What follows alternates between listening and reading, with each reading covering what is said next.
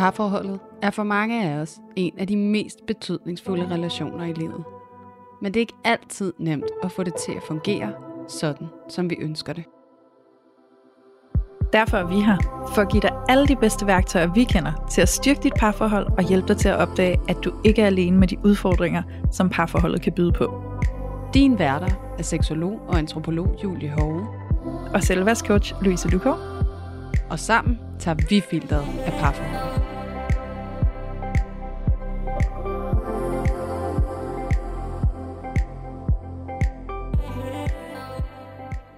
Hej alle sammen, og hjertelig velkommen til Parforhold Uden Filter. Vi er stadigvæk i gang med den her famøse kavalkade af spændende mænd, som vi inviterer med ind i vores studie, for at blive klogere på, hvordan det er fra et mandligt perspektiv at være i parforhold og navigere i parforhold. Og vi har altså en skøn gæst med igen i dag, og ham glæder jeg mig rigtig meget til at introducere om et kort øjeblik. Men først så vil jeg lige sige hej til dig, Louise. Hej Julia. Hej. Og nu kan vi ikke vente længere. Det var heller ikke længe, I skulle vente. Men jeg vil også sige hej til dig, Morten Svane. Hjertelig velkommen. Tak skal du have. Det er en fornøjelse at have dig på besøg. Og bare lige sådan kort til jer lyttere derude, der måske kender til Morten, så kan jeg sige, at han er i sin officielle titel, så er han kant IT med speciale i sociale medier. Han er også øh, podcaster, så øh, også en kollega for os, hvor han laver podcasten Nu snakker vi om det, og Slut med forbudt. Og så er han også forfatter og filmskaber. Ja, så Morten, jeg har lyst til også bare lige at spørge, er der noget, du vil tilføje i forhold til lytterne? Altså i forhold til det CV'et? Ja, CV'et. Er der et eller andet, Jeg har altid svært ved at besvare det. Sådan, du ved, det er det klassiske øh, sådan cocktailfest spørgsmål. Ikke? Sådan, hvad laver du? Og jeg ved aldrig rigtig, hvad jeg skal svare.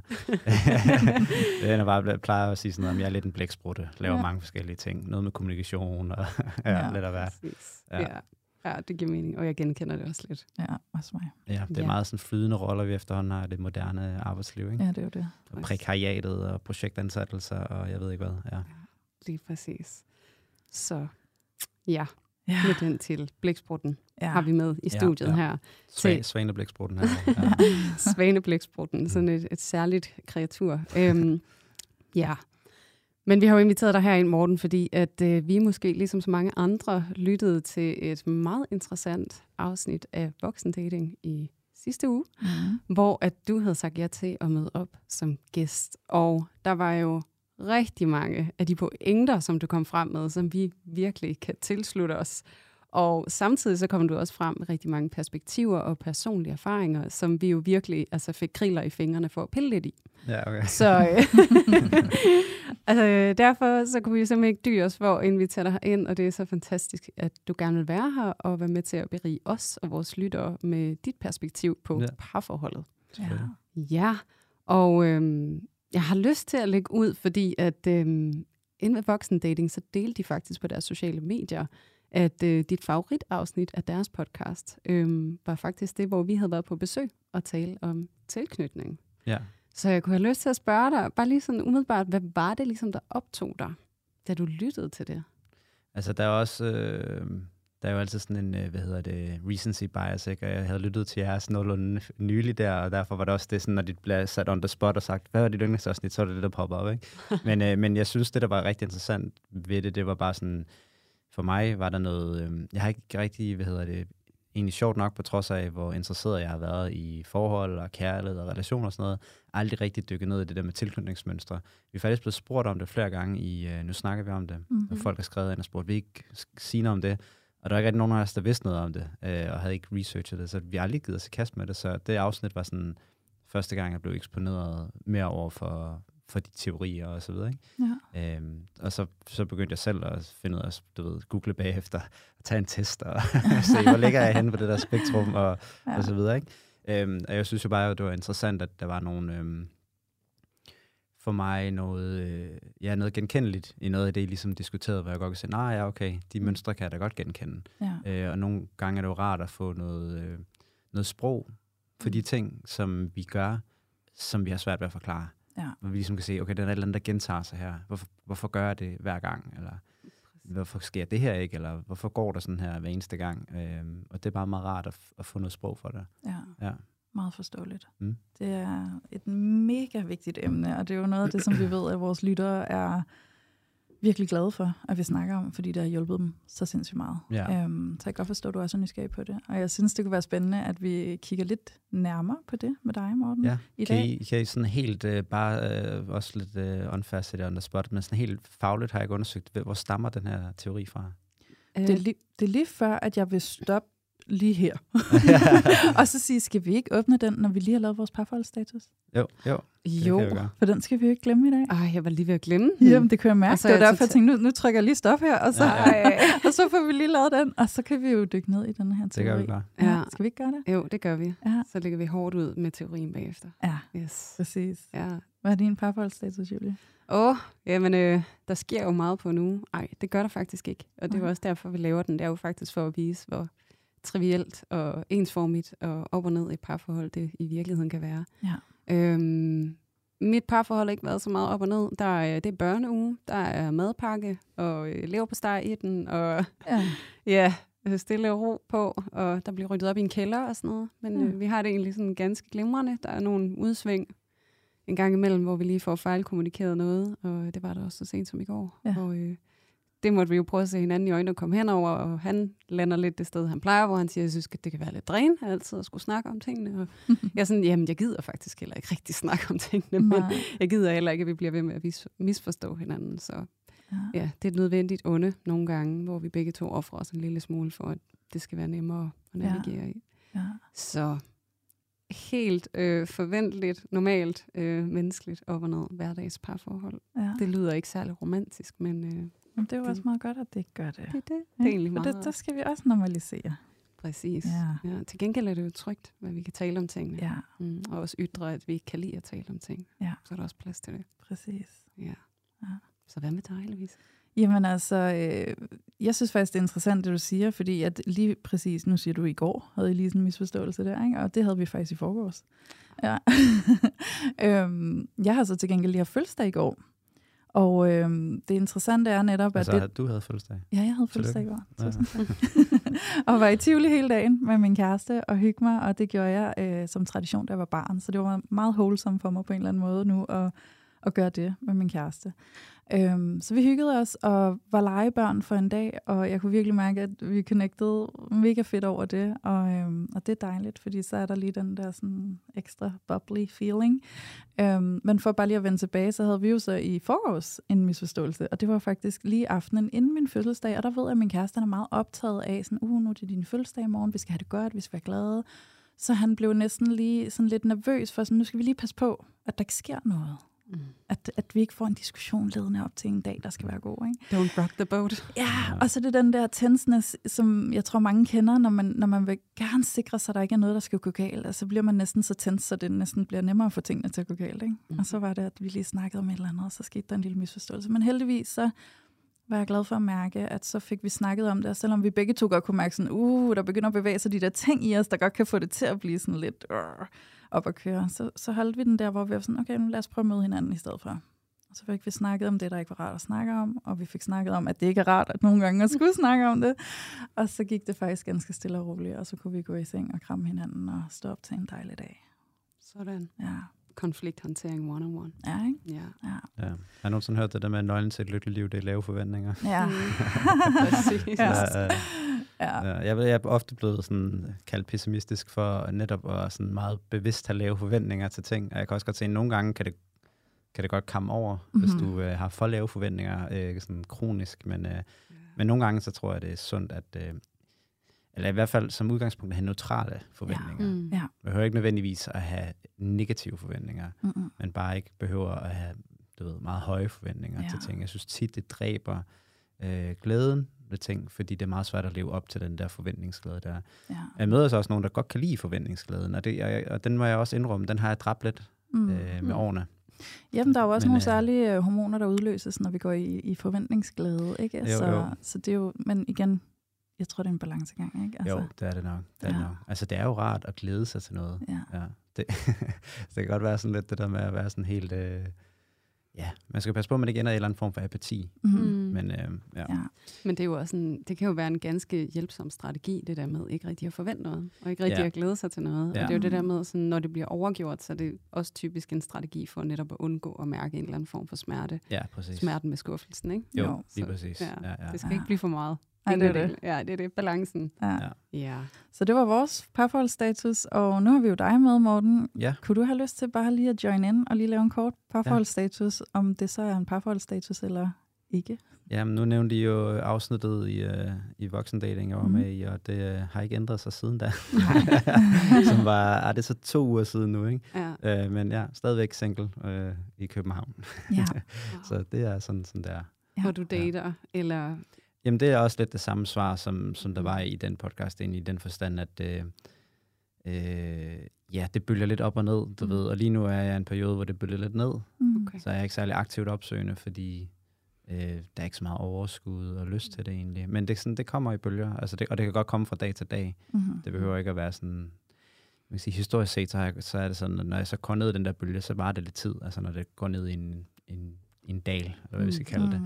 Øh, men, øh, men det kan godt være, at hvis der lige pludselig er et eller andet interessant, eller et eller andet, hvad ved jeg, så sker, så kan det godt være, at jeg får lysten igen.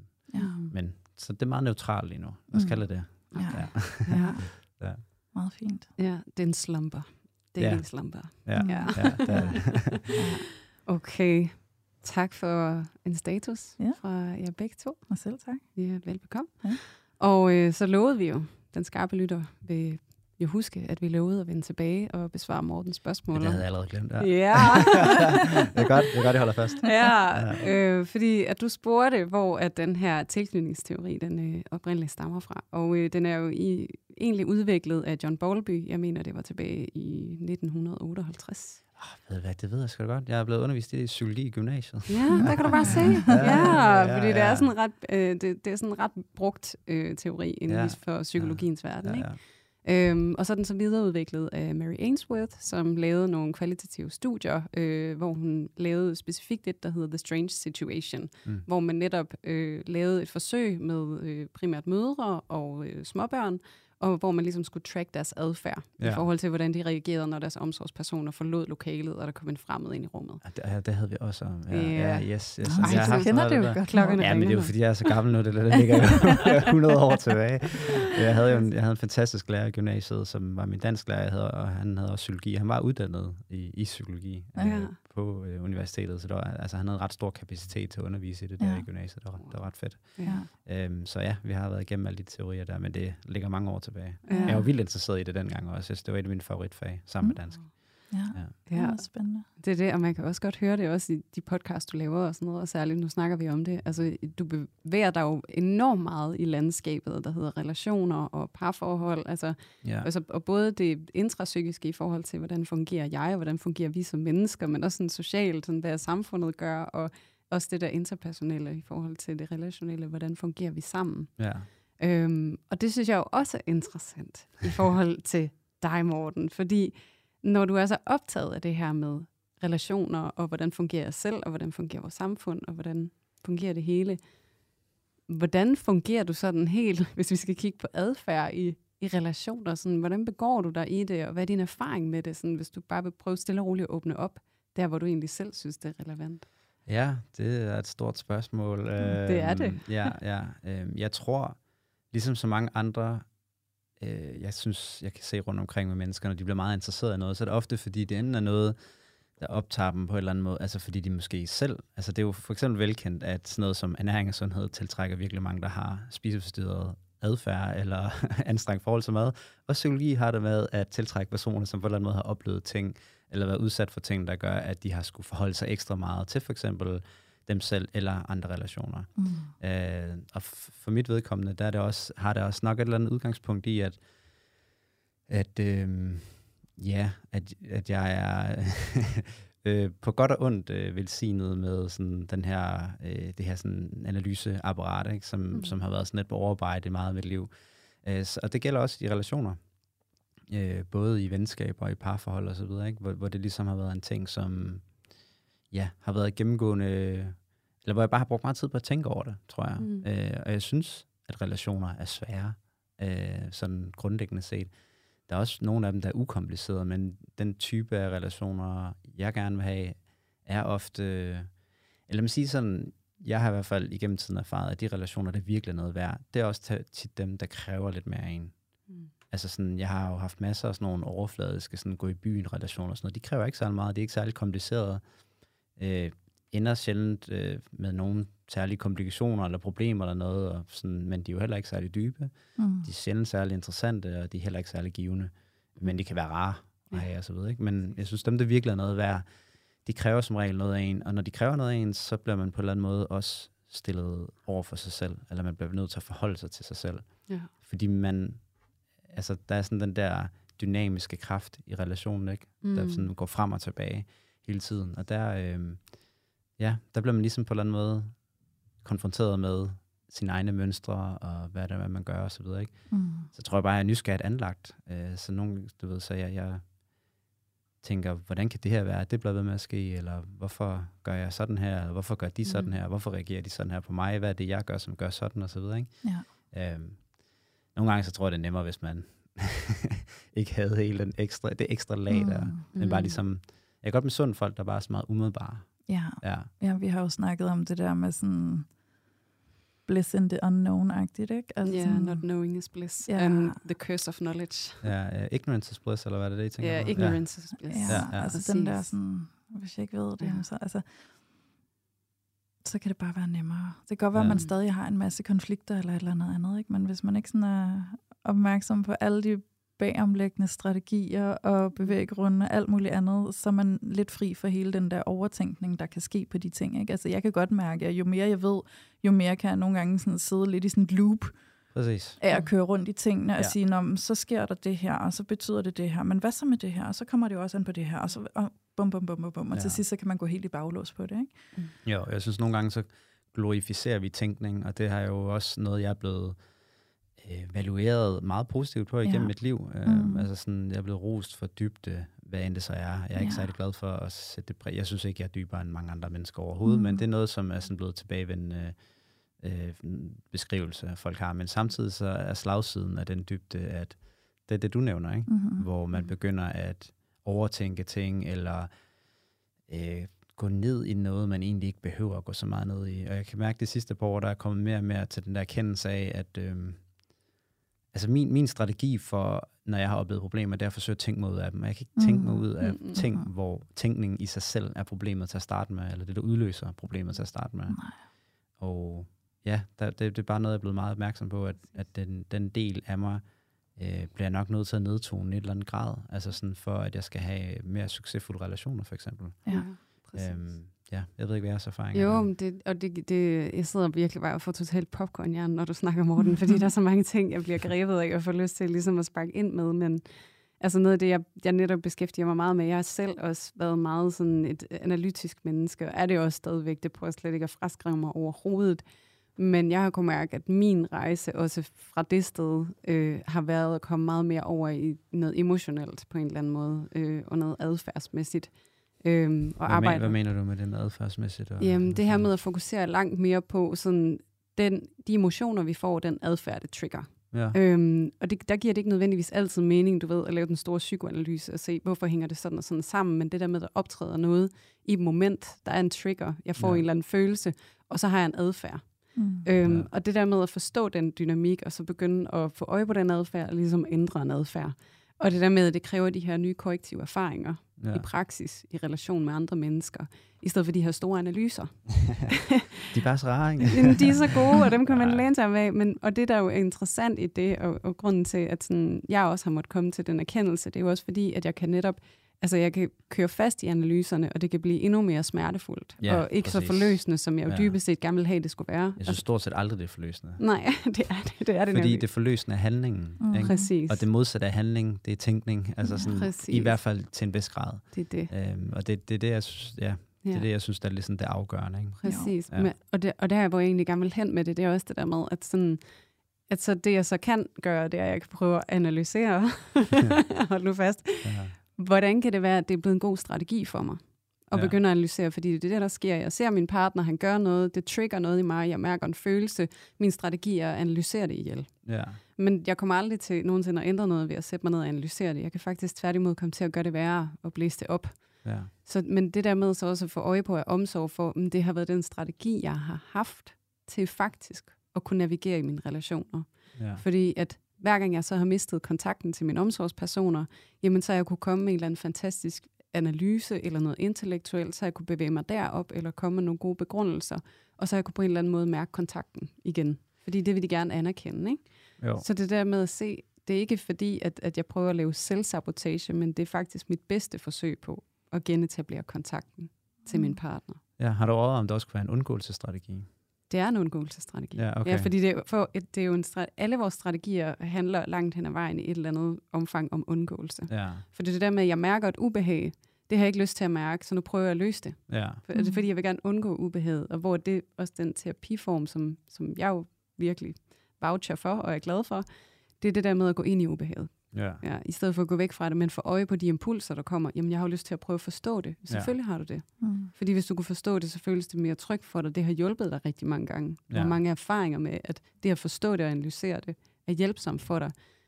Vil det være okay bare lige prøve at blive med det? Ja. Ubehaget, der kommer lige inden, at du begynder at prøve at analysere det. Ja, Jamen, jeg er meget enig, og det er jo det der, det der ubehag, der vi for alt i verden gerne vil undgå.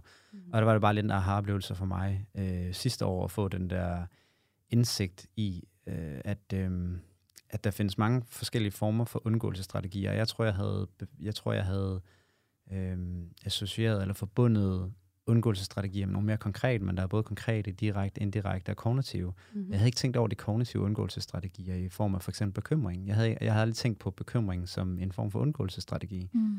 Jeg er rigtig god til at bekymre mig Mm. mm. øh, om rigtig mange ting, og jeg, jeg, jeg, du ved, nogle gange kan jeg forevise mig om, hvis jeg bare bekymrer mig nok om den her x ting, mm. så Mm. ændrer forholdene sig. Så, end, så er der et eller andet, der ændrer sig i situationen, og erfaring, på trods af, at erfaringen igen og igen hele vejen gennem mit liv er, at den bekymring ikke ændrer på noget som helst, andet Mm. end at øh, jeg bliver dårlig humør, eller jeg bliver, bliver mere kognitivt drænet eller udmattet. Ja. Øh, og der synes jeg, det var ret fedt at få den her... Det var i hvert fald en stor sådan, aha-oplevelse for mig, det der med sådan, ah, okay, det er jo en undgåelsesstrategi. Ja. Jeg bare har brugt hele livet, altså bekymreløs.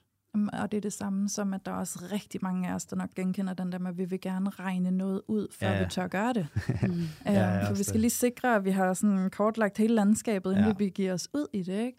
Og det er jo også sådan en, der ender med i rigtig høj grad at holde os tilbage og holde os fast et Ja. sted, vi egentlig gerne vil bevæge os væk fra. Ikke?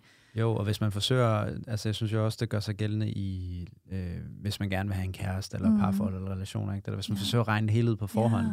Du kan ikke lægge hele Nej. kortet ud. Du kan ikke skrive historien på forhånd. Eller hvad- det kan du godt. Du kan godt skrive den i den forstand, øh, som mange jo gør, at man allerede har en, en negativ forventning om, hvad der kommer til at ske. Og det bliver meget ofte selvopfyldende. Det er jo det. Ja. Mm. Og uanset hvad, hvis du har siddet og skrevet en hel øh, historie på forhånd om, hvordan det her skal være, hvordan det skal ud, udspille sig, og nu siger du med dating, ikke? hvis det er sådan noget med, at vi sidder og fantaserer om, hvordan det skal være med den partner, vi møder, ikke?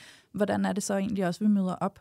Ja. Så møder vi jo ikke op for at møde mennesket, som det er. Så møder vi op for at få dem til at passe ind i den historie, vi allerede har skrevet. Ikke? Og så bliver Ja. det måske svært for dem faktisk at få muligheden for at komme ind og få en plads. Mm. Fordi de vil sandsynligvis komme med alle mulige andre nuancer, der bare ikke passer ind i historien. Ikke? Ja, ja, ja, så enten så overser man dem, eller samler kun op på dem, som, Ja. som passer ind i det narrativ, man nu engang har skabt. Ja, og jeg tror, uanset den ene eller den anden vej, så tror jeg ikke, du ser mennesket. Jeg tror, Nej. du oplever dem som et element. Altså, det, er sådan, det kan komme til at lyde sådan helt kynisk, når jeg siger det, men, men jeg mener det faktisk. Mm. Altså, jeg tror, vi kan komme til at overse mennesket i mennesket, når vi sådan skal have dem til at passe ind. Og det tror jeg også, vi kan komme til at gøre i vores parforhold. Fordi vi kan danne os de her øh, idéer om, hvordan vi synes, at vores parforhold skal se ud, eller hvordan vi skal være sammen, og hvordan vores interaktioner skal foregå. Og hvis du så ikke opfører dig, som jeg ønsker mig, så passer du ikke ind i manus. Mm. Så det vil sige, nu skal jeg prøve at se, hvordan kan jeg få dig til at passe ind i man- manus, eller hvordan skal jeg instruere dig til at passe ind i sådan, som jeg godt kunne tænke mig, at det skal foregå. Ikke? Ja. Og igen, så overser vi vores partners indre, og vi overser muligheden for faktisk at sådan virkelig møde dem. Mm. Fordi vi er så optaget af, hvordan vi godt vil have, at de skal være. Ikke? Jo. Ja. Det er tit noget, der sker. Øhm, nu sagde du også tidligere, Morten, det her med, at man ligesom kan være beriget igennem livet med nogle erfaringer, der gør, at man begynder at interessere sig for noget helt konkret. Og hvor at hvis man interesserer sig for det intrapsykiske og det relationelle, så har man måske noget med i rygsækken, Mm. som på en eller anden måde kan, kan have stimuleret den interesse øh, på et tidspunkt.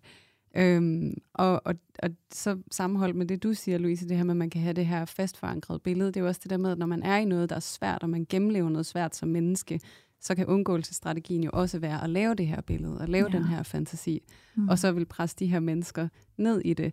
Og det er jo sådan generelt set, også tænker jeg bare for lytteren, at jo mere fastlåst og rigidt et billede, vi har af kærlighed og parforhold, og hvordan det skal se ud, jamen jo mere er der at arbejde med, Mm. har jeg lyst til Ja. at sige. Mm. Fordi det er også det der med, at, at emotioner øh, kommer ordet emovere, som betyder bevægelse. De skal bevæge sig, de skal mm. ikke være Mhm. fastlåste. Så hvis det er, vi oplever os selv som fastlåste, jamen så er det, fordi der er et eller andet, det vil være hjælpsomt for os at komme videre fra. Og så kan vi også være nysgerrige på, om de strategier, jeg har, hjælper de mig til at komme videre, eller hjælper de egentlig til at fastholde mig? Ja.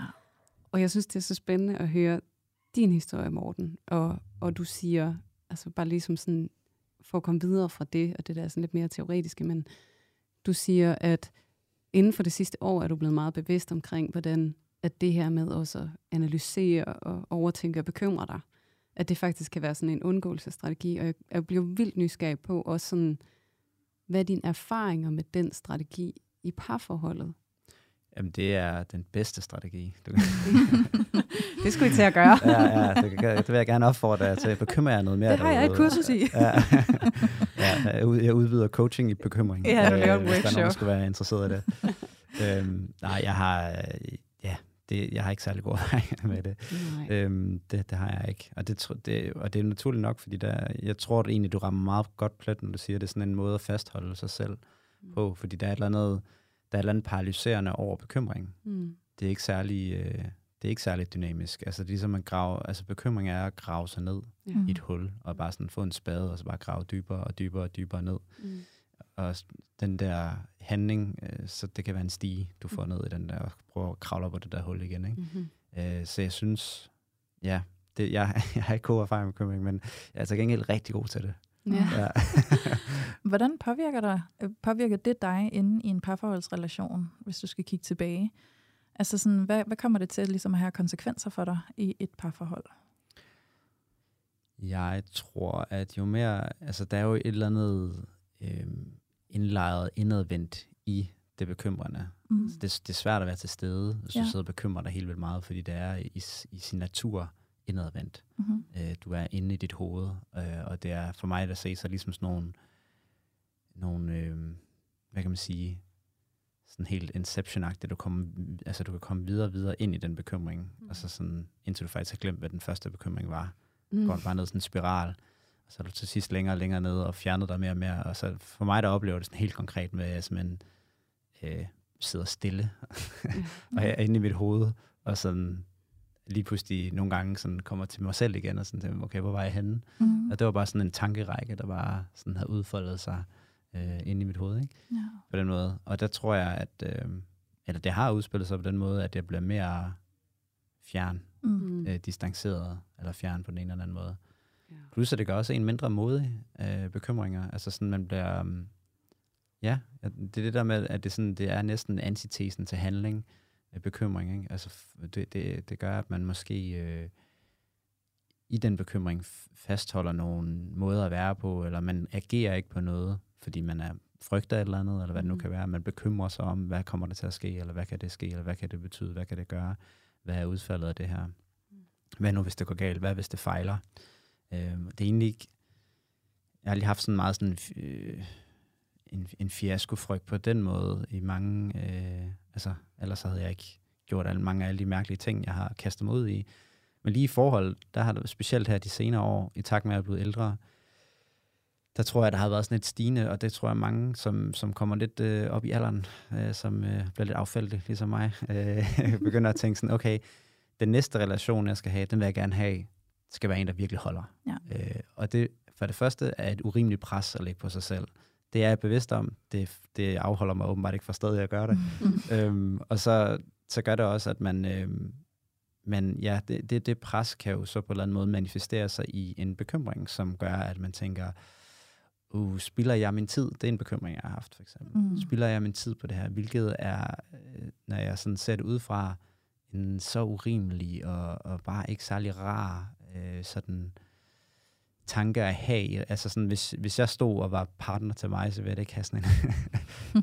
Føler du, at du er bange for, at du går og spiller din tid med mig? Mm. I mit sidste forår var det konkret, fordi hun var en del yngre end mig, og jeg tænkte sådan, jeg, ved, hun, et par år fra eller til for hende, det er totalt ligegyldigt. For mig, der synes jeg, det betyder en del, fordi mm. jeg føler, det eksponentielt betyder mere. Øh, fordi at om et par år, så er jeg 40, så føler jeg sådan, shit, jeg er gammel, ikke? Mm. Øh, så, så ja, så det, det har ligesom øh, manifesteret sig, den der sådan mere frygt for at spille tiden. Ja. Øh, en bekymring for ja, at spille tiden, og, og så at, at ramme rigtigt. Mm.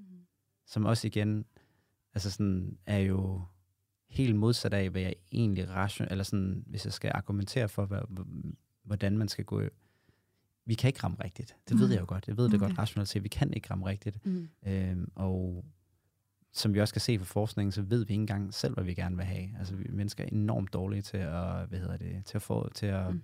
Øh, bedømme, hvad der egentlig gør os glade på sigt. Ja. Jeg tror, vi har en idé om det, men vi er ikke særlig gode til at forudse den. Mm. Og alt det, der ved jeg godt rationelt. Mm. Men når jeg så står i, og det er jo det, der er så interessant ved, ved, øh, ved mennesker, der er, at vi kan jo forkaste al rationalitet, så snart vi står over for andre mennesker, og vi er i de situationer, hvor mm. vi skal reagere i sekundet på en følelse, der opstår, eller ja. en, noget, der bliver sagt, eller så videre. Ikke? Og det er bare, at det ser det bare igen, igen og igen og igen, ikke? at ja. det der med, at det er så svært ja. at gøre mm. noget andet i situationen. Ja. Det kræver sin øvelse, og jeg sidder og tænker på, når du siger det her med at, at have den der bekymring for at spille af min tid. Øhm, nu siger jeg det bare lige ud, og det lyder lidt groft, ikke spille af min tid med det her menneske. Ikke? Ja, ja. Øhm, og jeg tænker, det var det, jeg Ja, præcis. og, og, og når man går med den, fordi altså, jeg tror rigtig mange genkender det, at være i et parforhold, og så kommer tvivlen og tager over, og man bliver sådan meget nøjeregnende nærmest, ja. ikke? fordi man bliver meget sådan, oh, er du den rigtige for mig, og er der en anden derude, der er mere ment til mig, og har vi den helt perfekte fremtid sammen, alle de der tænker, tanker, der kan komme. Ikke? Og så sker det, der du tager, snakker om tidligere, mm. med, at man måske ikke ser den person for, hvad de i virkeligheden er. Præcis. Fordi man begynder at kigge på alle de små ja. tegn, og hvad nu, ja. og sådan noget. Det er ikke? det, og det ja. var det, jeg lige ville til at sige. Ikke? Fordi går man med den der bekymrings tanke på, spiller jeg min tid her, er det det rigtige for mig, alt det her noget, så tror jeg også, der opstår den her tendens til, at så begynder at virkelig kigge efter dine fejl. Ja, mm. præcis. Ja. Altså, så det er det, der får lov at komme i fokus. Ja. Fordi nu går jeg og tjekker, om du har nogle fejl, jeg skal være alert over for, i forhold til ja. at vide og blive bekræftet i, at du måske ikke er det rigtige Og så ser man pludselig ikke andet end fejl. Det, det, det, det. er meget ja. paradoxalt, at man spilder man tiden med at finde ud af, om man spilder tiden. Ja, ja. det er jo sabotage, ja, ja, ja. ikke? Altså sådan, jo, jo, jo. Ja. ja og, øhm, og det er vildt interessant jo. Altså ja. sådan, jeg elsker, at du bringer det her perspektiv op. Altså sådan også, også et andet perspektiv, du siger det her med, at selvom man forstår med alt sit rationale, at sådan, jeg skal ikke bekymre mig. Jeg skal simpelthen stoppe med at prøve at undersøge netop, om jeg spilder tiden med det her menneske men det er fløjtende lige meget, ja. at du har den bevidsthed, fordi det er ikke den, der kommer til ligesom at flytte det ene ben foran det andet, når du Nej. står i relationen. Mm. Så er det jo netop alle de her strategier, vi har udviklet for at kunne klare den ja. relationelt. Ikke? Altså, og det er derfor, at det der med, at, at sådan, det er tilbage til det med at glorificere det kognitive, forståelsen og bevidstheden. Altså, det kræver virkelig noget af os at ligesom ændre de her strategier i parforholdet, og begynde netop at flytte benene på nye måder, ja. ved at konfrontere vores ubehag. Ja. Mm.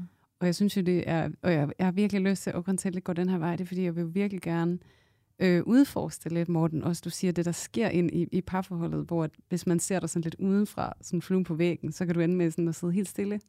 Altså forsvinde ind i det der bekymringsunivers øh, på en eller anden måde.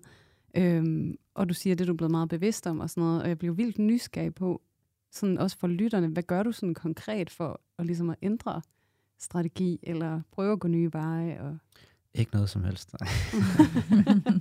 øh, ej, jeg synes, øh, jeg, jeg, hvad jeg gør. Men det er der, jeg nogle gange kommer lidt til kort. Øh, men øh, men, men øh, nogle gange har jeg prøvet... Altså, der ligger også nogle sjove tankeeksperimenter og nogle af de der ting, hvor man... Øh, det, det ved I jo sikkert også godt med den, i den, de arbejdsformer, I har, det der med eksponering er tit en rigtig god måde at, øh, at prøve at ændre nogle, altså gradvis eksponering er tit en rigtig god måde at prøve at ændre nogle af de der mønstre på, fordi det er nogle gange så det, der forhindrer handlingen, det er frygten for, for det negative udfald på en eller anden måde. Mm. Og den eneste måde at komme ud over det, det er på en eller anden måde bevise over for sig selv, at verden går ikke under, hvis jeg gør noget andet, end jeg plejer at gøre. Og det bliver man nødt til at finde ud af på en eller anden måde. Øh, og der har jeg sådan, det er lidt ligesom, nogle, det, nogle gange skal man sådan ramme bunden nok gange til at finde ud af, okay, nu bliver jeg nødt til at prøve noget andet, fordi jeg er ikke rigtig noget at miste. Hvis jeg gør noget andet, så må jeg jo se, hvor det leder hen. Så kan det godt være, at verden går under, men det er måske federe, end jeg gentager det her for 400.000 gange. Ikke? Ja. øh, så må vi se, om der sker noget andet. Word. Øhm, og det, øhm, og, og der har jeg fået ligesom bevist det over for mig selv nogle gange, at det, der, oh, jeg kan faktisk godt gøre sådan, jeg kan godt gå den her vej her. Det, det, det var faktisk meget rart. Der skete ikke så meget. Så det der med at prøve at begynde at teste nogle af de der ting. Nogle gange så prøver jeg sådan at anskue det som sådan nogle små, sjove eksperimenter. Mm. Bare for at, for at gøre det mindre øh, voldsomt for mig selv, Ja. eller mindre, hvad hedder det, hvad kan man sige, alvorligt på en eller anden Mm. måde, fordi så tør jeg i højere grad at gøre det. Ja. Øh, nogle gange, så, altså meget af det her liv, det handler jo bare om at prøve at snyde os selv til at gøre ting, vi egentlig ikke har lyst til at gøre. ja. Øh, så altså, øh, at lave små, mærkelige... Altså vores, vores natur, menneskets natur er jo simpelthen så modarbejds, øh, modarbejdende i mange henseender. Ikke? Mm. Altså på, i alle mulige, næsten i alle de ting og henseender livet, som er gavnet for os, så har vi sådan en anden form for modarbejdende natur. Mm. Og så handler meget af livet egentlig bare at finde ud af, hvordan kan vi, hvordan kan vi kortslutte øh, ved, den modvilje på en eller anden måde. Ikke? Mm. Altså hele, hele, hele øh, den her for eksempel nedbrydning af, af vaner til bitte små del, altså sådan noget, okay, hvis du gerne vil noget at træne, det virker helt vildt uoverkommeligt. Okay, øh, så øh, du ved, prøv at lave noget, hvad hedder det, hvad hedder sådan noget batching, hvor du prøver at gøre det så, du ved, begynder at lytte til en podcast på vejen derned, så kan det være, at bare vejen derned er lidt mere rar. Du ved, prøv at bryde det ned, så du bare skal lave øh, to minutters træning. Okay, så er du nede to minutter, det er rart nok. Okay, du kan godt fortsætte lidt mere. Mm. Altså sådan det der med at dele op i brudstykker, ikke? Mm. Ja. At, at det virker for rigtig mange mennesker, fordi du sådan hele tiden snyder din hjerne til, at Præcis. opgaven bliver mere overkommelig ved at bryde det mere og mere ned. Mm. Og det kommer jeg til at tænke på. Sådan er det måske også med, altså med forhold. Det er jo mange af os, vi forestiller os hele forholdet på forhånd. Ja. Og så bliver det en uoverkommelig opgave. Det Også det. fordi en del af den forestilling kan betyde, øh, at øh, skilsmisse, og øh, man er nede i hullet, og alt muligt. Ikke? Præcis, I det stedet for sådan at tage den en dag ad gangen. Ja, ja man Altså- tror, man skal spise hele kagen på én gang i Ja. en mundfuld, ikke? og Ja. det bliver så overvældende. Og noget af det, jeg rigtig godt kan lide ved det, øh, set fra min stol, du gør lige nu, det er det der med netop også at, at trække på nogle af de gode erfaringer, altså som vi kan have i andre områder af vores liv. Nå, du spurgte, hvad jeg gjorde det rigtigt. Jeg Ja. kommer nogle gange ud af nogle tanker. Jamen, og- men, det giver, men det giver så god mening, for du ja. Beskrev faktisk, hvad du gjorde, hvor det her med at lave nogle små eksperimenter på en eller anden måde, sådan, Ja. altså eksponeringsterapi i, i små bidder. Ja. Øhm, og hvor jeg egentlig også hører, du trækker på den erfaring, du også har i forhold til, at du har beskæftiget dig meget med fitness og alle de her ting. Og det der med, at nedbrydning af vaner, og det der gradvise nedbrydning af vaner.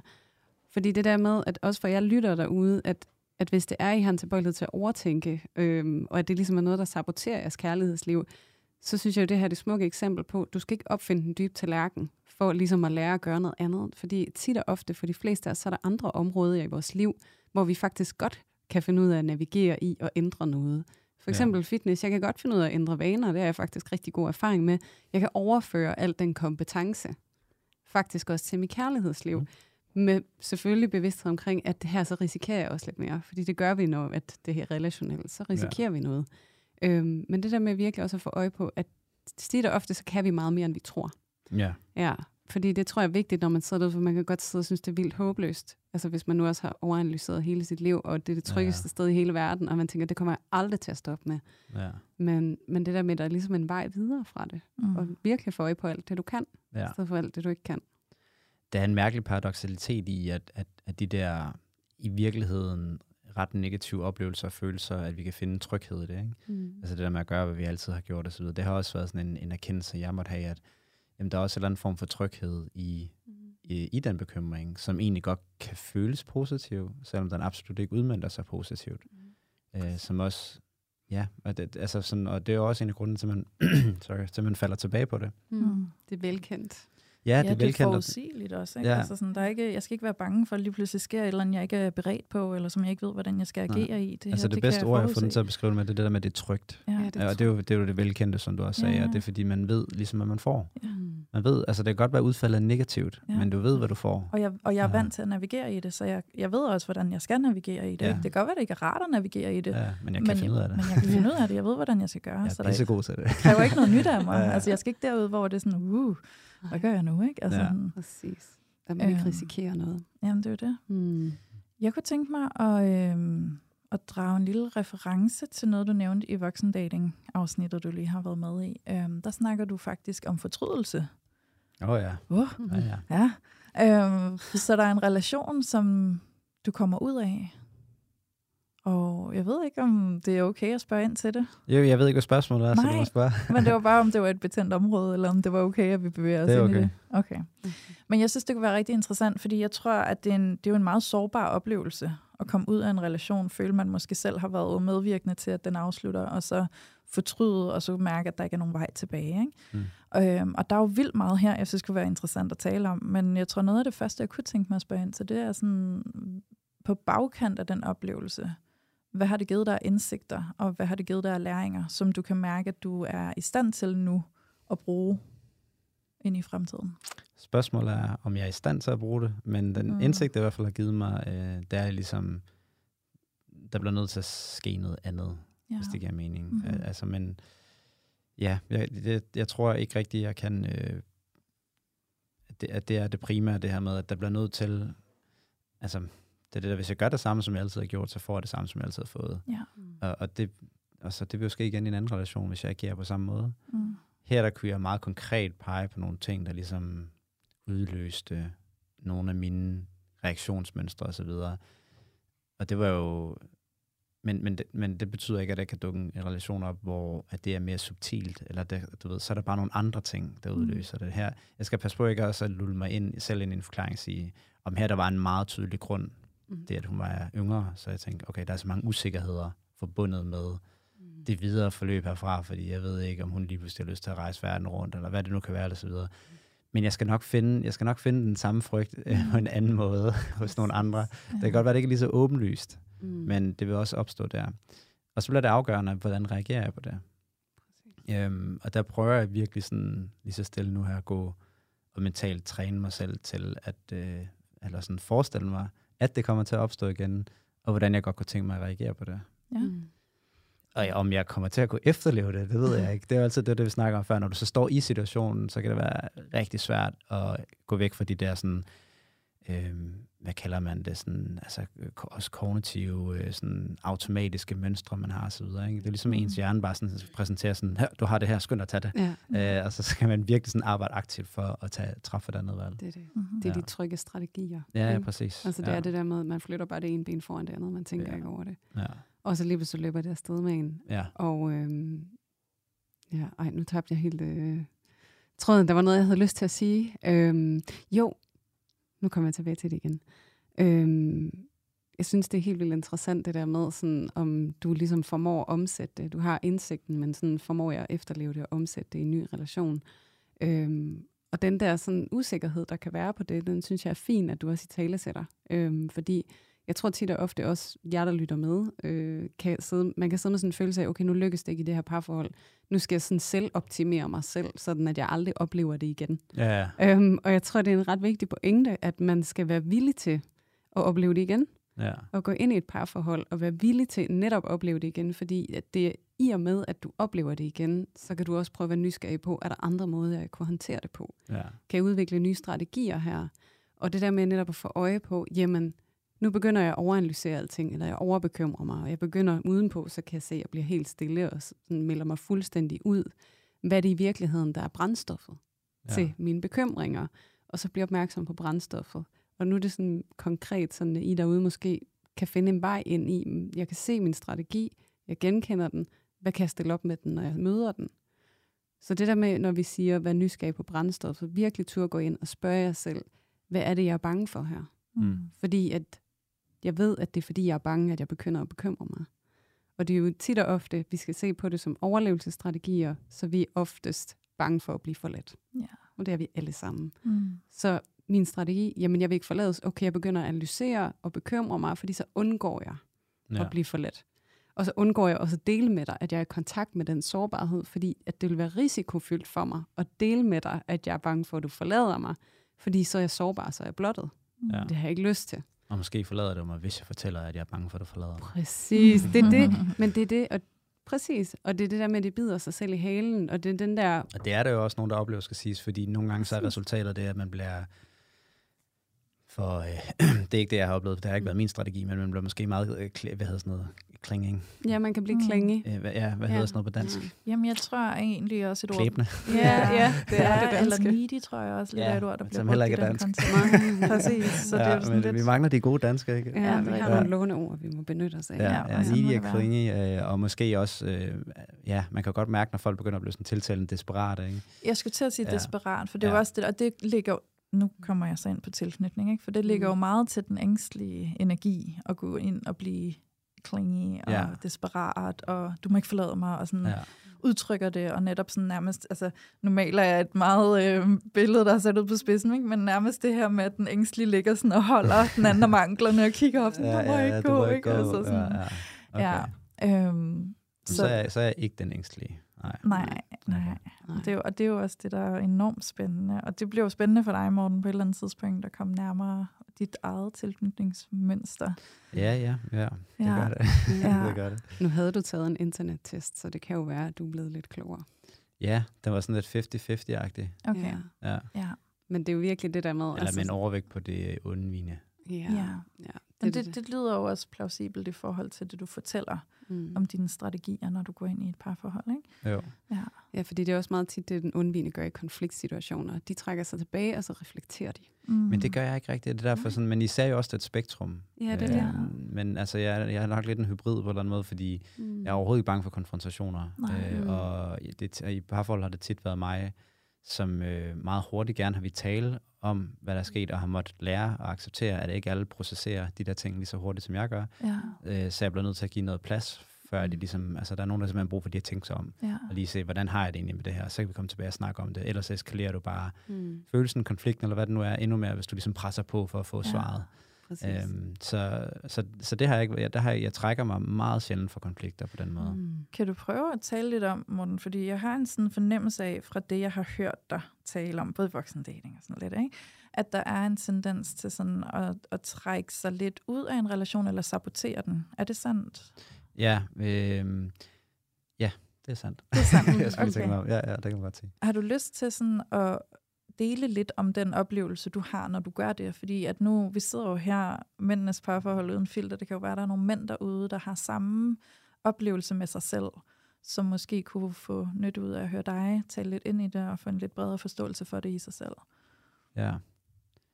Ja, de for have mest nytte, hvis de fik måske? nogle øh, konkrete redskaber. Ikke? Ja, det var faktisk det, jeg talte lidt om i, i podcasten, det der med, at nogle gange så kan det være sådan lidt dobbelt frustrerende at få, få ved. Det er altid rart at, være, at blive spejlet. Mm. Ja. Øh, enig. Det, det, det, Men det er lidt en kæde, ikke? Vi skal Ja. have en forståelse af en spejling, og så skal vi have nogle redskaber. Ja, præcis. Ja. Præcis øhm, ja.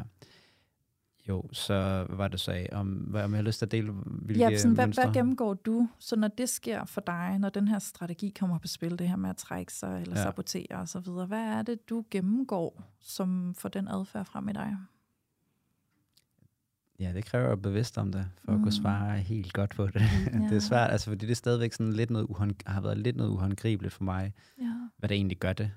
Mm. Jeg kan godt pege på nogle sådan, mm, ja, men mere ukonkrete ting, sådan tidligere med liv, der måske har været den udløsende faktor, men, men, men jeg, det ved jeg ikke, jeg er også bare lidt nået til den erkendelse, at jeg, jeg synes jo, det er mega interessant, hvor alle de sådan ting stammer fra, og hvad, hvad, mm, ja, hvad der udløser det osv., men også fundet ud af, at det er måske lidt mindre vigtigt nogle gange i forhold til, Mm. sådan, hvordan handler du så? Altså, det er Ja. vel det vigtige. Mm. Øh, men, men altså konkret, der, der handler det bare om, at når jeg, når jeg... For mig har der været et eller andet mønster i, at når det har kunne blive... Man kan sige, i takt med, at noget får mere og mere potentiale, eller bliver, bliver mere, øh, man indser, at det her det kan blive rigtig godt, så stiger, øh, så stiger risikoen for at blive mere og mere såret også Mm. og den frygt, øh, om den så er latent eller udtaler, eller hvad den er, den stiger, den kan også stige med det. Øh, Så, så når, den, når det, ligesom, det ligesom, der er sådan en eller anden kulmination på et eller andet tidspunkt, hvor i de der forhold, hvor, hvor det ubevidst har startet et eller andet, det, det, det er sjældent noget, hvor jeg tænkte, så nu skal jeg gå i gang med selvsabotere. Ja, du ved, det, Det er det aldrig det, ikke, der sådan- ikke sådan, at jeg sker. vågner op, sidder på kanten og tænker, Nej. tænker, så det her det er en god Ja. dag at selvsabotere på. Nu Nu går vi i gang. Øh, og så sætter jeg mig ned, og så skriver sådan en tit-trinsplan. det sker bare sådan lidt glidende. Ja, altså, det det er en gradvis ting, lidt hvor man glider ind i det, hvor jeg nogle Mm. gange sådan tænker, hvad er det egentlig, jeg har gang i lige nu? Hvorfor ja. gør jeg det her? Sådan, og det, det tror jeg, de fleste genkender det der med, at man gør noget, og så først bagefter, ligesom man har været sådan en eller anden øh, automatisk øh, sådan, øh, proces, og så lige pludselig bagefter, så kan man sådan sidde og tænke, var- hvorfor gjorde jeg egentlig det? Hvorfor sagde Ja. jeg det? Og så videre. Og den oplevelse har jeg også haft nogle gange, hvor ja, at det er sådan en, en, en gradvis proces, der sætter i gang, som jeg bare ligesom har kunne konstatere flere gange, på en eller anden måde har destabiliseret øh, hvad hedder det, relationerne ja. nok til, at det så på et eller andet tidspunkt er gået i stykker. Ja. Altså det er mig, der har skubbet andre, altså sådan virkelig testet andre til et punkt, hvor jeg sådan, til, til sådan en breaking point. Ja, klar. Og så når det breaking point sker, så bliver jeg ked af det. ja. Vi skal faktisk til at runde af nu. Okay, ja. Men jeg har jo lyst til bare lige at gribe det, du siger lige her. For jeg Mm. mm. tror, der er mange, både mænd og kvinder, der kender det her med, at når de står i relationen, og den begynder at blive øh, dybere, eller hvad vi skal sige, altså der, hvor man mærker, okay, der er faktisk et potentiale her, men så er der godt nok også en risiko for mig, fordi hvad hvis jeg mister det, eller Ja, hvad hvis det går præcis. galt, hvad hvis Ja. jeg bliver såret, alle de her tanker og bekymringer, der kan komme. Ikke? Så Morten, hvad er din, øh, hvad er din øvelse næste gang, du står og mærker potentiale i en relation, du er trådt ind i? Hvad er det, du måske har brug for at kunne være med, for at tillade, at den risiko godt må eksistere? ja. Hvis jeg havde svaret på det, så ville jeg være glad. Ja. Øhm, jeg har ikke noget konkret svar på det, fordi altså sådan, det vi jo, hvis jeg, hvis jeg lå ind med svaret på det, så ville den naturlige konsekvens være det, at jeg ikke gentog det, eller ikke havde gjort mm. det igen. Mm. Ja. Men øhm, og det er selvfølgelig også i stigende grader, hvor meget man har, man har gentaget det. Altså, der er nogle forhold, der også bare har været, hvor det ikke har været det rigtige. Mhm. Øh, og så er der nogen, hvor det egentlig har været det rigtige, men hvor, hvor, hvor på en eller anden måde, at øh, indsatsen har føltes for stor, eller, eller ikke indsatsen, hvad hedder sådan noget, the stakes, hvad hedder det på dansk. Mm. Mm. Øhm, Ja, Investeringen. Ja, ja, eller sådan, ja. du ved, det har føles... Jamen, det er nok det, jeg taler om før, ikke? at det føles som, om, at der, der er for... Jeg kan godt fornemme, at det her kan blive rigtig, rigtig godt. Ja. måske kan det blive du ved, det forhold, hvor man virkelig slår sig ned i det, øh, Ja. eller sådan skaber familien og alt det der ting. Altså alt det, som, som, Ja. som man lidt forestiller sig, kan være den naturlige forlængelse af sådan et forhold. Øhm, Ja. Og så bliver det lige pludselig meget virkeligt, og lige pludselig meget alvorligt, Mm. og så er det den der frygt kan komme op, ikke? Mm-hmm. Men, men ja, jeg tror for mig, der handler det om, som sagt, den der med den, den gradvise, altså gøre noget andet, end jeg har gjort hidtil, for at se, hvad der så sker. Ja. Måske også få øje på det tidligere i dig selv. Altså det, igen det her med, at det kommer gradvist, ikke? Jo. Og så, så lige pludselig, så er det kommet derhen til det der breaking point, før ja. Ja. vi måske har opdaget, at vi var i gang Mm. med at sabotere. Ja, og det kunne også være spændende at sige sådan, okay, hvad sker der, hvis jeg ekspliciterer det her? Altså, Ja, det kunne også være et præcis. eksperiment. Ja. Altså, nu snakker jeg om det der med før, at Ja. det kan virke farligt at sige, Mm. Hvis man er... Det tror jeg kommer an på, hvordan man formidler det. Ja. Klart. Ja. Ja, hvad, eller hvad tænker du der? Jamen altså det her med sådan, naturligvis så kan der være en risiko forbundet med, hvis vi formidler det på en meget ængstelig façon, altså hvor ja. det Ja. bliver meget klinge, ikke? Men, Ja. men hvis vi kommer fra et sted, hvor vi står i vores eget ansvar omkring det, Ja. så tror jeg ikke, at det er noget, der sådan skubber folk Ja, væk. jamen, det ligger ikke så meget, det, som sagt, det undvigende ligger med det Ja, klinge i, så, ja. så for mig, der, det, det handler egentlig mere bare om at sige det på en, øh, en sådan nogenlunde nøgtern måde. Mm. Ja, øh, altså sådan, det skal ikke være sådan en, åh nej, nu er jeg bange for, at det hele går galt og sådan noget, fordi det er, ikke, det er heller ikke, øh, det er heller ikke sådan, det kommer til udtryk. Nej. Øh, så, så, men jeg har det også sådan lidt, at hvis man ikke kan tåle at høre det som en partner, Ja. er det så den rigtige? Eller sådan, hvis, Mm. man, hvis man, jeg ved det ikke, jeg har det sådan lidt, hvad tænker I der? Fordi nogle gange, så har det også nogen, der har vist den sårbarhed over for mig, der kommer meget ind på, hvor jeg er henne Mm. i den relation, om, om jeg tolker den som en, en til, altså som jeg tolker den som den der ængstelige, mm. Mm-hmm. eller om det er bare sådan en, ah, her er et menneske, som vælger at være tror- sårbar over for mig, det er faktisk rart. Ja. Jeg, t- jeg tror, at noget af det, der også kan være vigtigt, det er, at man også kan have rum for, at den anden kan have en reaktion på det, man siger. ja. Ja, Øhm, og så sige, kan vide, hvordan det er for dig at høre. Mm-hmm. ja. Øhm, og det er lidt det der med, altså i den terapiform, jeg arbejder med, så handler det i, altså det store reparationsarbejde er udvekslinger. Så det er det, vi deler med hinanden. Ja, vi Ja. udveksler med hinanden. Så det der med, en ting er at sige, nu bekymrer jeg mig. Okay, hvis jeg var en flue på væggen, hvad gør jeg så? Jamen, så bliver jeg stille og trækker mig ind i mig selv. Okay, jeg bekymrer mig. Jeg begynder at lave den her spiral, som ikke er god, og Ja. hvor at det resulterer i, at jeg giver slip på dig. I hvert fald emotionelt på min inderside, Ja. for at kunne holde det ud på en eller anden måde. Mm. Så det her med, at så begynder man at få den bevidsthed, og så det her med at kunne afsløre sig selv og sige, jeg kan mærke, at jeg bliver stille. Jeg kan mærke, at nu begynder jeg at bekymre mig om alt muligt. ja. Det gør jeg, fordi at jeg begyndte at blive bevidst omkring, at du er så vigtig for mig. Ja. Det skræmmer mig. Så lige nu så prøver jeg at regne alting ud, og alt det, der kunne gå galt, fordi det er risikofyldt for mig at mærke, at det er det, du betyder for mig. Jeg kan vide, hvordan det er for dig at høre. Har I erfaringer med at sige det højt? Mm. Ja. Ja. Hvordan det gik det? Godt. Øh, godt, fordi det har ligesom været vendepunktet for relationen ja. til at overgå fra at være... Øhm, Men det- hvordan var det så? Det var noget med, at der var lidt forskel. Den ene var undvigende, og den anden var ængstelig, eller hvad ja, var det, det? Du det var er mig, ængstelig? der kommer fra det ængstlige, og Yes. Julie kommer fra det undvigende. Okay. Og vi har jo også, og det er jo også ret interessant, fordi Julia og jeg har også en dyb relation sammen. Mm. Så vi har jo også, ligesom man får i parforholdet, har vi jo også haft nogle oplevelser, hvor vi trigger på hinanden. Ja, Mm. Så vi har jo faktisk også haft muligheden for at gå ind og arbejde med vores egen tilknytning igennem hinanden. Men hvordan klarede du det som en ængstelig person så i dit øh, parforhold? Det var, og skulle sige det uden at blive kli, øh, klinge og Ja, needy og alt det der. præcis. Og Ja. jeg tror, det, det har været en gradvis proces, fordi naturligvis i starten, øh, før jeg rigtig begyndte at arbejde på det, der var det dramatisk og kaotisk mm. Og klingy og needy og alt muligt andet. Ikke? Altså, og så står jeg der med en mand, som er mere til, øh, til den undvigende side, ikke? som bliver sådan helt... Ja, ja. øhm, og synes, det var helt frygteligt. Ikke? Ja. Så det har været en gradvis proces, både af, at jeg begyndte at blive klogere på det, og begyndte at føle det mere, mærke det mere, og sådan processere mine egne følelser, og også begynde at, at formidle dem på en måde, hvor jeg ligesom sådan holdt en eller anden form for, altså sådan holde lidt på mig selv i det, mens jeg, Mm. altså så ikke bare sådan brrr, flyder ja. ud, ikke? Altså Ja. sådan, og samtidig i den proces var det et samarbejde mellem mig og min partner, så han blev også øhm, opfordret fra min side af til også at arbejde med sit undvigende, og det der med sådan at ture være mere i samtalerne om følelser, Mm. øhm, og også finde ud af med sig selv, hvordan er det for dig at være i dem, og, og hvor, hvor stort et span har du til at være i dem, før vi skal sådan runde af. Ja. Øhm, fordi det er også det der med ikke at overforbruge hans øh, Kapacitet. line til det, Ja. kapaciteten Ja, til det. ja, Ikke? ja. Øhm, Ja, så det, det finder, det er meget individuelt, altså, Ja, hvad det folk er det kan det. netop. Ja. Det er det netop, og det kan også være meget forskelligt i, den, i, i det individ. Hvornår ja. har jeg så meget båndbredde, og så kan det være, at jeg har noget mere båndbredde på et andet tidspunkt, og et kortere på et andet tidspunkt. Så det kan Mm. også differentiere på den måde. Så hvordan handlede du konkret, så du holdt mere igen øh, med, at du doserede? Jeg observerede mig selv, altså Ja. observerede den reaktion, der opstod i mig, og Ja. så ligesom, altså lidt den der sådan, wusa, den der sådan lige med at tage en dyb indånding, Ja. inden, inden jeg bare reagerede, sådan, så jeg i højere grad kunne agere på det, jeg mærkede, end Ja. at jeg skulle reagere på det, jeg mærkede. Øh, sådan, så Hvordan det kom under du, en eller anden kontrol. nysgerrig, den der WUSA-effekt, mm. du nævnte. Hvordan i gang så du den? Fordi jeg har sådan erfaret, at, at det kan faktisk nogle gange være brugbart at have sådan et, øh, et fysisk cue på det. Altså mm. Mm. det er nogle gange, fordi du skal jo tænke, det er igen det der med, altså prøver man at tænke sig til, hvornår man skal stoppe, og det kan Mm. nogle gange godt Mm. være svært. Ja. Øh, og det er bare meget sjovt, at der findes sådan, du ved, du kan klappe, du kan lige røre dig selv. Ja. på låret, eller et eller andet, altså et eller andet, der gør, at man ligesom kommer ud, eller sådan lige. Ja. når man er på vej ned det her spor, lige får øh, afvidet det på en eller anden måde, så kan sætte gang i en ny proces, Det som det. for eksempel kunne være, at hov, jeg skal lige stoppe op her. Og det kan jo også se meget forskelligt ud, fordi hvordan foregår det? Er det, mens vi står face to face? Er det Ja. over sms? Er det et opkald? Øh, er det mig, der sidder med alle mulige tanker fra noget, jeg ser, der sker, som jeg egentlig ikke er en del af, men som jeg får en reaktion på og sådan noget.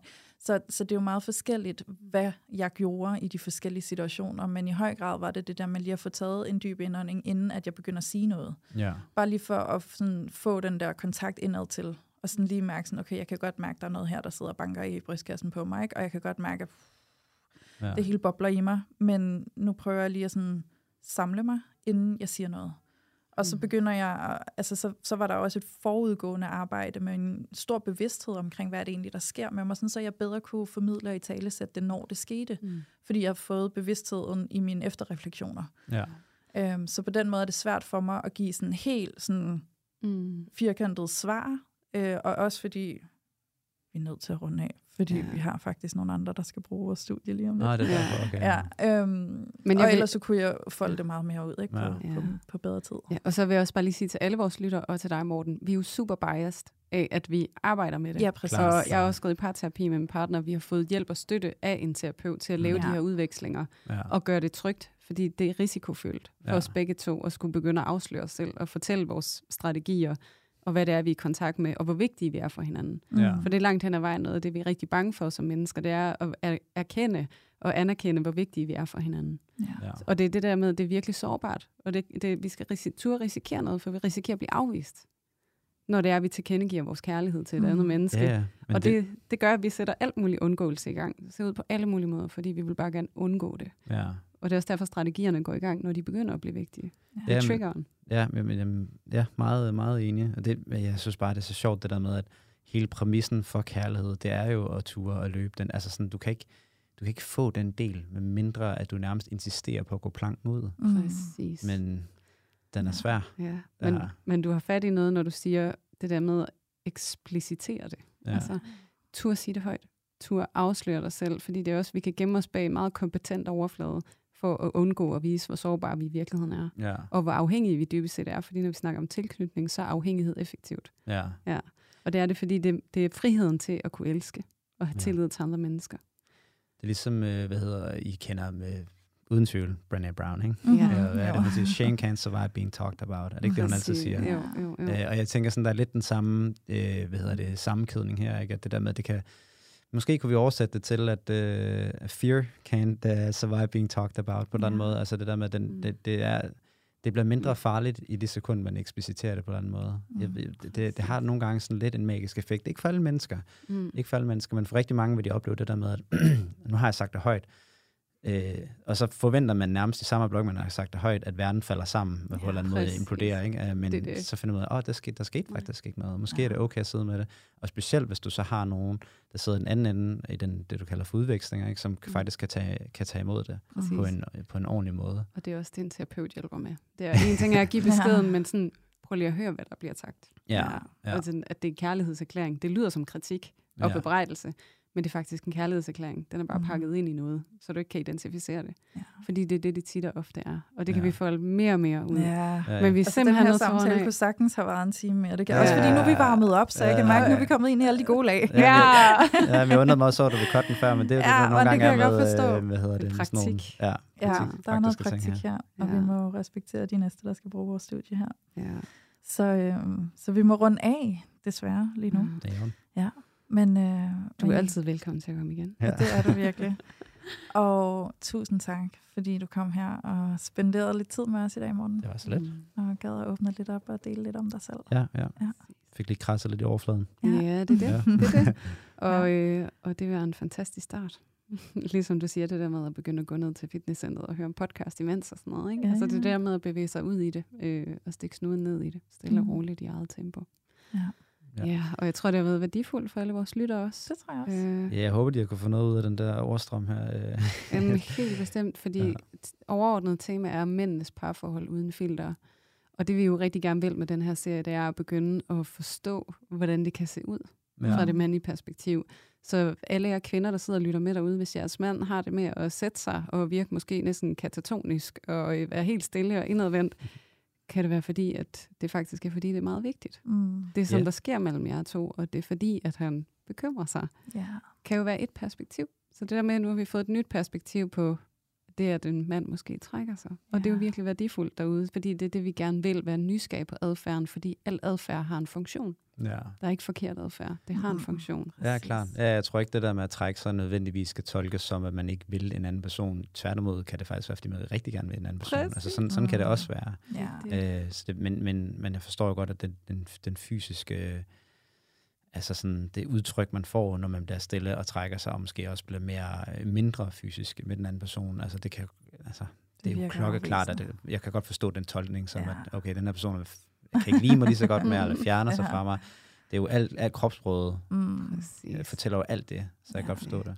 Men det kan være med de, med de fremtidige mænd, jeg har her også, det der med de der gængse, I fortalte før vi gik i gang med at optage, at der var ligesom sådan nogle, nogle, nogle spørgsmål, der gik lidt igen mm. for kvinderne derude omkring, hvorfor gør mænd det her i forhold? Mm. Og det kunne være sjovt at sådan have konkret de mænd, I har ind til at svare på, hvorfor gør I det her? Bare Ja. sådan kom med det som en fordom. Ja. Altså sådan Ja. præsentere det også som en fordom. I Ja. gør det her, hvorfor gør I det? Så Ja. kunne det være interessant at høre svarene på det her. ja, det kunne godt være en Ja. spændende metode. ja, det er det. Ja. Hvorfor trækker mænd sig altid? Ja. Hvorfor kan I ikke lide at snakke Hvorfor om bliver I følelser? dogne? Ja, hvorfor bliver I dogne i forholdet? Men Morten, du er kommet med meget kvalificeret bud i dag på, hvorfor man kunne trække sig som Ja. mand i parforhold. Ikke? Jo. Og Jo. det der med, at det kan have en markant anderledes betydning, end det vi umiddelbart giver det. Ja, Mm. ja, ja. Det tænker jeg er en god erfaring. Ny erfaring for jer, der sidder derude og lytter med. Mm. Og Ja. både en uh, indsigt for kvinderne til at forstå mændene bedre, men også en spejling til mændene, og måske også noget, de kan gå videre med i sig selv. Det kan være, I kan genkende det. Ja. Jeg synes, øh, det kunne jo være rart sikkert for de kvinder, der lytter med, og som kunne være noget, I kunne give dem, det var så, og- eller jeg vil ved med, at de sidder med spørgsmålet, men hvad skal jeg så gøre, Ja. Mm. når de der mænd trækker sig? Ja. Øh, fordi det oplevede jeg sådan set også med min ekskæreste, sådan helt konkret spurgte mig om, jeg, hvordan skal Hvad jeg skal jeg forholde mig, gøre? når du gør det der? ja. Hvilket jeg egentlig synes var et rigtig godt spørgsmål. Mm. Og jeg sådan blev nødt til at forholde mig til sådan, nå ja, Kunne du du svare var på det? med. Øh, ja, jeg havde virkelig svært ved at svare på det, og det handlede jo lidt om, at jeg selv havde svært ved at vide, hvordan jeg skulle Mm. forholde mig til, ja. når jeg gør det der. Der er noget i os selv at opdage og identificere vores egne behov, Ja. Når det er svært for os selv. Men jeg synes faktisk, spørgsmålet var godt. Altså den der, øh, den der meta, i stedet for at reagere på det, som mange jo gør, altså Ja. man reagerer Mm. på en eller anden måde, som kan være blive ekstra klingy, eller, Mm. eller blive frustreret, eller blive sur, eller, eller selv trække sig. Ja. Så simpelthen bare i tale at se det højt. Øh, Du gør det her lige nu. Jeg ved Mhm. faktisk ikke helt, hvordan jeg skal forholde mig til det. Hvordan, hvad kunne du godt tænke dig, jeg gjorde lige nu? Og det er altså bare helt okay, bare at sige det. Ja. Mm. Og det er også okay, når man ikke kender sit eget behov at sige, Ja, mm. det jeg er ked af det lige nu, eller jeg trækker mig, men jeg ved ikke hvorfor, og jeg ved ikke, hvad jeg har brug for. Nej. Jeg nok vende tilbage, når jeg er blevet klog på det. Ja. Det er Mm. helt okay. Fordi nogle Ja. gange tror jeg, at vi tror, at vi skal kunne komme med et svar, når vi ikke har svaret. Og det er Ja. okay at sige, at jeg har ikke svaret lige nu, men Ja. jeg brygger på det. Det er det.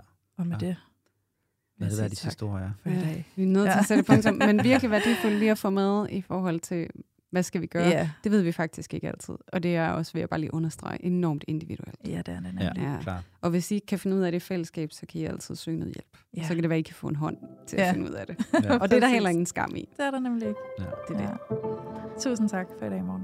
ja, selv tak. Tusind tak for i dag. Og tusind tak for i dag, Julie.